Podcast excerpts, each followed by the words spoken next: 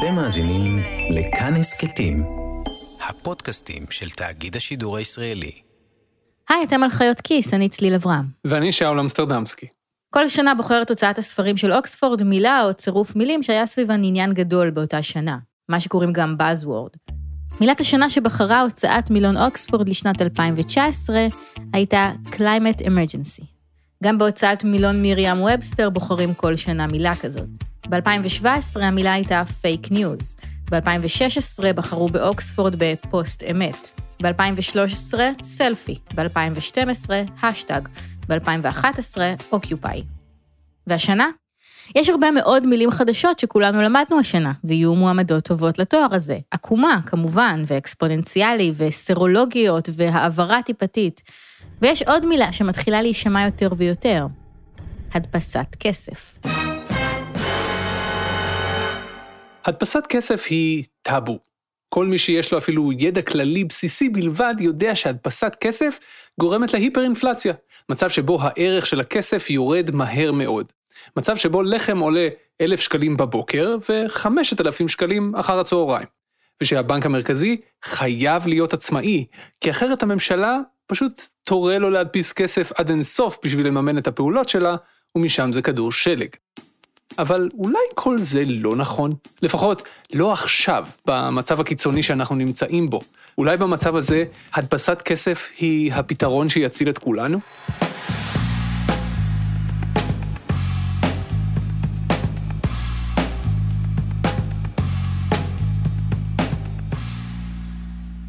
כמו שאמר אחד מראשי הכלכלנים באנגליה, אדאיר טרנר, הוא אמר, לא זו בלבד שאסור אה, להעלות את זה כהצעה, אסור בכלל לחשוב את זה. זה הפך טאבו כמו בדת, שאסור לך לחשוב על אה, מושגים מסוימים.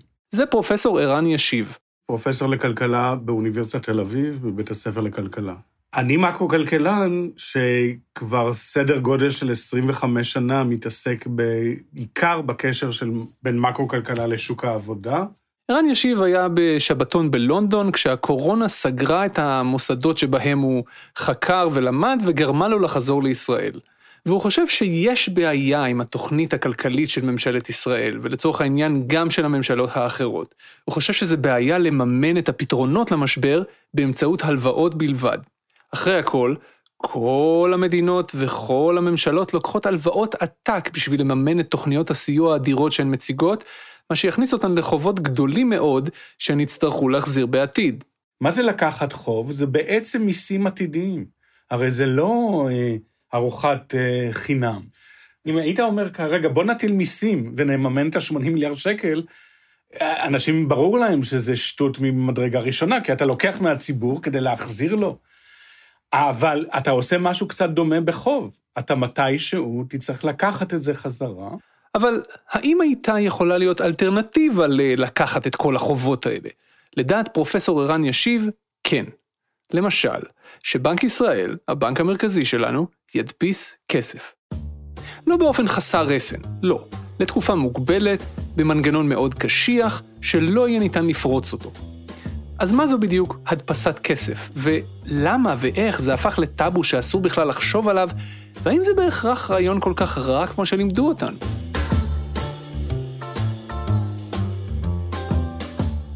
בשביל לענות על השאלות האלה צריך קודם להבין מה זה בנק מרכזי ומה הוא עושה. בשגרה, בנק ישראל הוא קצת כמו הטחול שלכם. גוף אמין, אפור, יציב ומשעמם, שאנחנו לא צריכים לחשוב עליו יותר מדי. אם אנחנו מתעניינים, אנחנו שומעים מדי פעם שהוא העלה או הוריד את הריבית, או קנה דולרים, וממשיכים בחיינו. אבל בתקופה של מיתון כלכלי, כמו זה שאנחנו נכנסים אליו עכשיו, לבנקים מרכזיים יש תפקיד קריטי בחילוץ הכלכלה. הדברים שבנקים מרכזיים עושים, הורדות ריבית, הרחבות כמותיות, הדפסת כסף, הם יהפכו למונחים יותר ויותר מרכזיים עבור מי שירצה להבין מה קורה עכשיו בעולם. אז בשביל להסביר את המונחים האלה, אנחנו רוצים להכיר לכם עוד כלכלן, את דוקטור אסף פתיר מהמחלקה לכלכלה באוניברסיטה העברית. לאסף פתיר יש דרך נהדרת להסביר מה זה בנק מרכזי. נגיד שאת ואני ושאול חיים באי מסוים, וכל אחד מאיתנו מגדל ירק אחד, נגיד אני מגדל עגבניה ואת מגדלת מלפפון ושאול מגדל בצל. למה אני בצל? למה אני מקבל דווקא את הבצל? ובוא נגיד אבל שהסיטואציה היא שאת דווקא אוהבת לאכול את העגבניה שאני מגדל, אה, ששאול אוהב לאכול את המלפפון שאת מגדלת, ואני אוהב לאכול את הבצל ששאול מגדל. וכל אחד מגדל ירק אחד ביום, וכל אחד מאיתנו צורך ירק אחד ביום. אוקיי, הכלכלה הזאת יכולה להתנהל אם לי יש שקל אחד ביד, ובבוקר אני אלך ואני אקנה את הבצל משאול בשקל, אני אעביר את השקל לשאול, ושאול יעביר את השקל אלייך, ואת תעבירי את השקל אליי, ככה כל אחד יקבל את הירק שהוא רוצה, ועם שקל אחד ביצענו שלוש עסקאות, אוקיי? אבל אנחנו יכולים לדבר על סיטואציה אחרת. הסיטואציה האחרת זה שאני אוהב לאכול את הבצל שלי בבוקר, ושאול אוהב לאכול את המלפפון שלך בערב, ואת אוהבת לאכול את העגבניה שלי בצהריים. ואנחנו, כל אחד מאיתנו אוהבים ללכת לקחת את השקל, לקנות את הירק ולאכול אותו במקום. אז אני בבוקר הולך עם השקל שלי וקונה משאול עגבניה. בצל! אני תקוע עם הבצל! אה, סליחה, בצל. אבל עכשיו שהוא לא יבוא אלייך עד הערב, ובינתיים בצהריים לך אין את השקל בשביל לבוא לקנות ממני את המלפפון. אז אני צריכה אם יש אשראי. רק שקל אחד בכלכלה הזאת, אנחנו תקועים. אסף מתאר מצב שבו אין מספיק כסף במשק. אנשים רוצים לבצע עסקאות והם לא יכולים. עכשיו, יכולים לקרות שני דברים. דבר אחד שיכול לקרות, זה שהמחירים של כל הירקות ירדו לחצי שקל.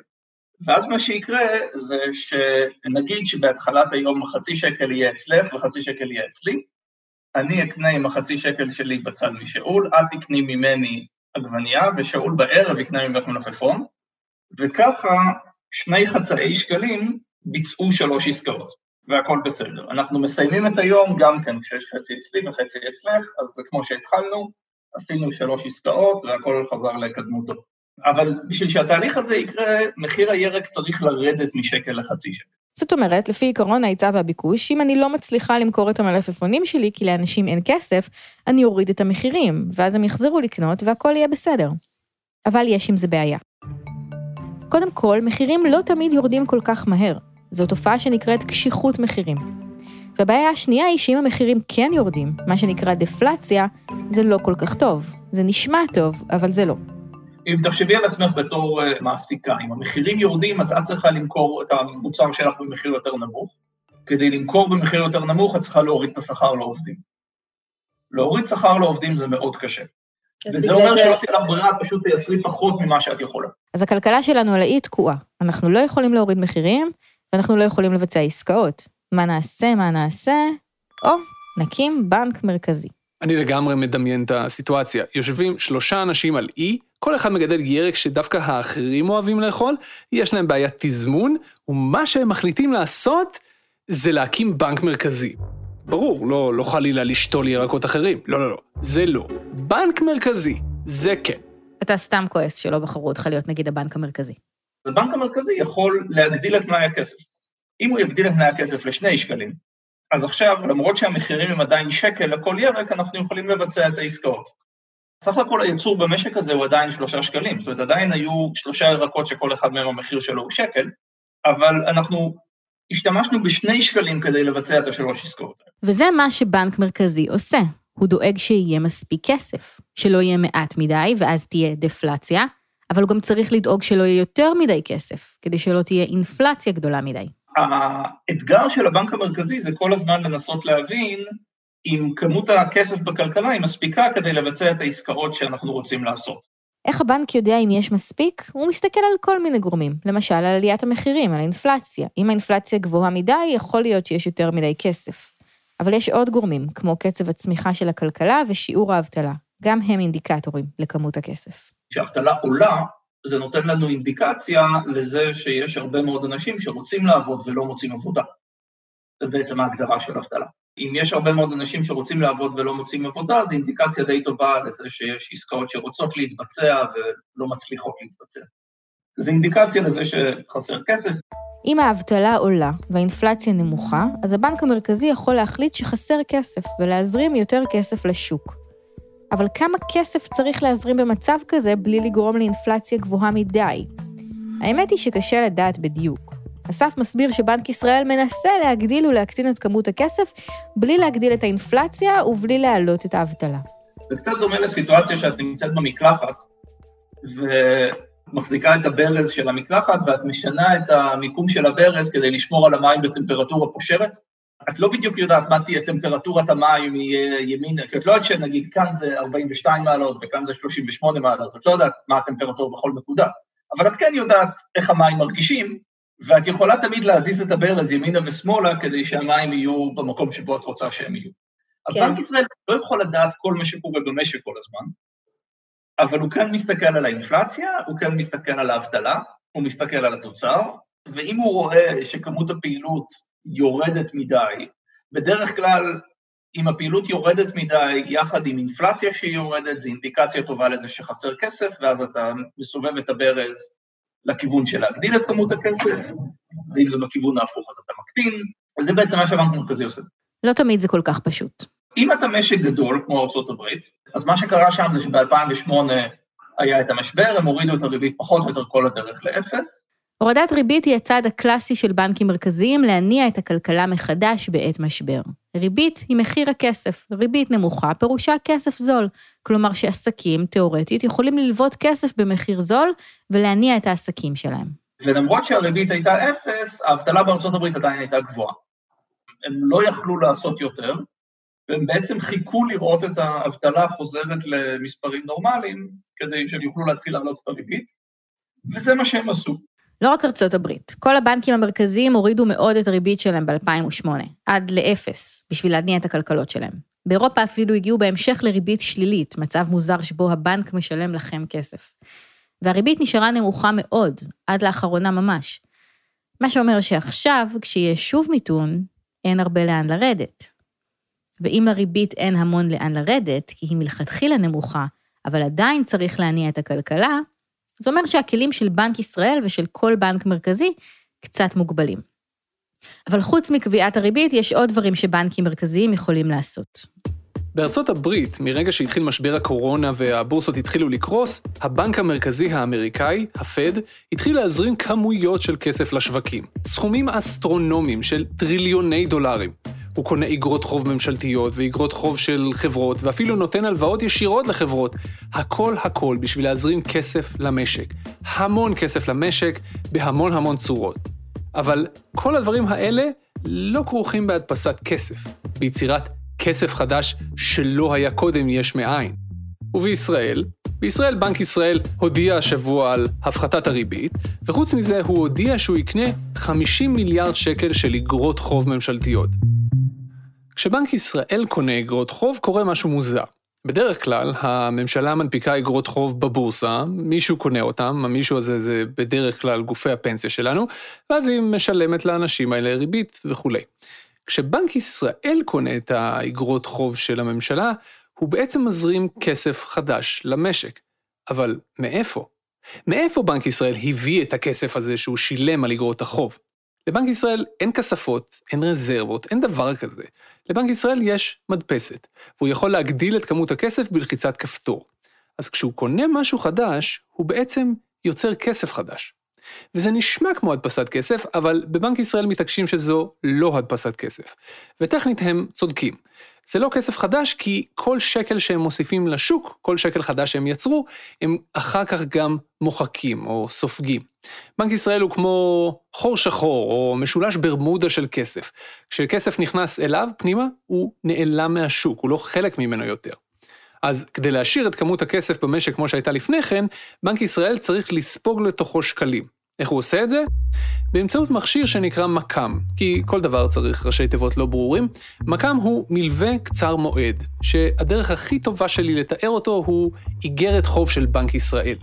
אז אתם מלווים כסף לבנק ישראל, מקבלים חזרה ריבית כמעט אפסית, וזו הדרך של בנק ישראל לספוג את השקלים שהם הכניסו למשק. ולכן מבחינתם הם לא הדפיסו כסף חדש. במשרד האוצר היו מתים שבנק ישראל ידפיס להם כסף, יקנה מהם ישירות את אגרות החוב, לא דרך הבורסה, ויממן להם כך את חבילת הסיוע, או לפחות חלק ממנה. אבל בנק ישראל מתעקש כרגע שזה לא נחוץ, ושיותר מזה, שזה מדרון חלקלק. כל הרעיונות של הדפצת כסף, זה מה שנקרא באנגלית slippery slip. זה אנדרו אביר, המשנה לנגיד בנק ישראל, ואת הדברים האלה הוא אמר לי לאחרונה בריאיון זום קצר שערכתי איתו. אם אני חוזר להיסטוריה, הייתה ניסיון של הדפסת כסף בשנות ה-70. זה נגמר רע מאוד. וזה נגמר בהיפר-אינפלציה של שנות ה-80, וזה נגמר בזה שמדינת ישראל הגיעה כמעט לפשיטת רגל. אנחנו לא רוצים להיות במצב כזה שוב. ואחד הדברים הטובים שנעשה, והבסיס למה אנחנו במצב טוב היום, היה חוק אי הדפסת כסף, כדי שלא נחזור למצב כזה. ברגע שאתה מתחיל עם אי הדפסת כסף, אז מתי תגיד שזה לא מתאים לעשות את זה? אולי נעשה את זה בשביל לממן את הצרכים הביטחוניים של המדינה? הם גם מאוד חשובים. אבל בסוף של דבר אתה תגיע למצב, חס וחלילה שיש היפר-אינפלציה, אתה במצב כזה, כל המשק סובל.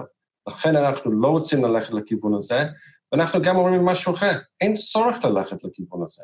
כי הממשלה יכולה לממן את הצרכים שלו בריבית מאוד נמוכה היום, והיא עושה זה. אבל פרופסור ערן ישיב מאוניברסיטת תל אביב חושב אחרת. הוא חושב שאנחנו במצב קיצוני מאוד, ושהגיע הזמן שנחשוב גם על פתרונות קיצוניים. על פתרונות שבכל מצב אחר לא היינו מעזים בכלל להעלות על דעתנו. אבל אנחנו לא בזמנים רגילים. המגפה הזאת היא לא דבר שקורה כל מחזור עסקים. ונקווה שבאמת זה אירוע של פעם במאה או משהו מסדר גודל כזה. ואני חושב שזה עת חירום. גם פרופסור ישיב, שבעצמו אגב היה עוזר של נגיד בנק ישראל לשעבר פרופסור מיכאל ברונו, האיש שעמד מאחורי תוכנית הייצוב של 1985, התוכנית ששמה קץ להיפר האינפלציה, אותה תוכנית שהביאה לחוק שאסר על הדפסת כסף. גם הוא חושב שאין מקום לפתוח את המדפסת באופן בלתי מבוקר מפה ועד הנצח. במקום זה, הוא מציע מנגנון אחר. דבר ראשון, הוא אומר, צריך להקים ועדת קורונה. ועדה שישבו בה גם נציגי האוצר וגם נציגי ציבור מומחים מתחומים שונים, שתנהל את כל ההתמודדות עם הנגיף, במקום איך שזה עובד היום. ודבר שני, הוא אומר, צריך לשנות את החוק ולתת לבנק ישראל את האפשרות לממן את הסיפור הזה בהדפסה, למשך פרק זמן מוגבל של 90 יום. אם הכנסת תחוקק חוק חירום מוגבל בזמן, ושתיתן את הכוח בידי בנק ישראל, לא בידי משרד האוצר, ההדפסה תאפשר שליטה על ברז ההוצאות. האוצר הישראלי יפתח חשבון בבנק ישראל, בנק ישראל ידפיס וימלא את החשבון. אם תהיה הוועדת קורונה כלכלית שהצעתי, הוועדה הזאת תחליט כמה הוא מדפיס ושם בחשבון, וזה יהיה מותר לו לצאת רק להוצאות שקשורות לקורונה, לא לסעיפים אחרים בתקציב המדינה, ואז אפשר להתחיל למשל בהדפסה קטנה. לא, למשל, לא הייתי מתחיל בהדפסה של 80 מיליארד שקל. הייתי מדפיס בפחות, הרבה פחות, ומזרים ושולט על הברז הזה. בקיצור, הדפסה מבוקרת בגודל, תחומה בזמן, נתונה באופן בלעדי לשליטה של בנק ישראל, ובשום פנים ואופן לא בידי הפוליטיקאים. וגם אך ורק לצורכי הקורונה ולא לשום דבר אחר. אבל רגע, איך פרופסור ישיב מתמודד עם טיעוני הנגד של בנק ישראל?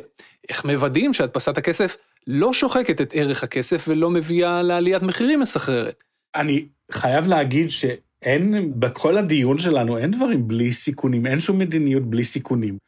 אבל במצב שהמשק הישראלי עוד טרום המשבר היה סביב ה... אפס, חצי אחוז, בקושי אחוז אינפלציה לשנה, כבר שנים. כלומר, המשק הישראלי לפעמים דשדף על סף הדפלציה או טרום המשבר. אז הרבה יותר ברור שיש כוחות דפלציוניים עכשיו, ולכן הקונטרה, אם היא תעשה אינפלציה, היא תעשה אינפלציה לא גדולה ודווקא מבורכת, מה שאולי היה רצוי כמעט בכל מקרה. היא לא תהיה האינפלציה של שנות ה-80 שחששו ממנה, כי תנאי המשק הם שונים. המשק הוא מה שנקרא לא בתעסוקה מלאה, מאוד רחוק מזה. במילים אחרות, פרופסור ישיב אומר שאם אנחנו במצב של מיתון, שבו הביקוש של הצרכנים רק נמצא בירידה, מה שמוריד את המחירים, אין באמת סכנה של אינפלציה. ואם תהיה קצת אינפלציה, אולי זה יהיה דווקא דבר טוב, כי זה יאותת שהפעילות הכלכלית מתחילה להתאושש.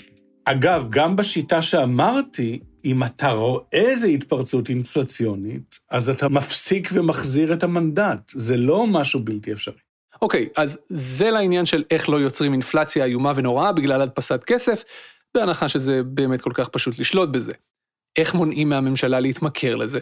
עכשיו, החשש השני שהעלית, הוא הסיבה שאני חשבתי שזו צריכה להיות א', חקיקת חירום, ב', מוגבלת בזמן, ניתנת לקיצור, ג', שהכוח יהיה בידי בנק ישראל, שהוא חרד לדברים האלה, ולא בשום אופן לא בידי שר האוצר. כי אני שותף לדעה שאם תיתן את זה לממשלה או למשרד האוצר, אז עוד שנתיים הם יכריזו שיש מצב חירום, לא יודע, כי יש מהומות בעזה, או כי ראש הממשלה נוח לו, או משהו כזה, ואז יהיה לזה ללא סוף.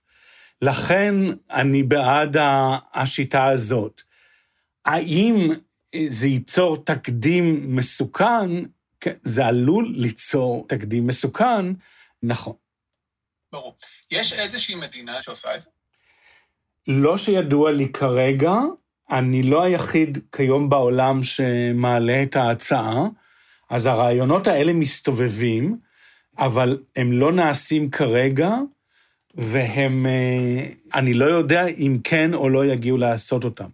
מצבי משבר מותחים את מה שחשבנו שהם גבולות המובן מאליו. חוקים כלכליים שנראים כמו חוקי טבע, הופכים להיות הרבה יותר גמישים כשהמציאות עצמה משתנה בצורה כל כך פתאומית וקיצונית. 35 שנים אחרי שלהדפיס כסף נראה כמו הרעיון הכי גרוע בעולם, נראה פתאום שיכולים להיות דברים גרועים יותר. טוב, כבר צהריים ועדיין לא קיבלתי את העגבנייה שלי. שום דבר לא עובד כמו שצריך באי הזה. את מוזמנת להתלונן לבנק המרכזי.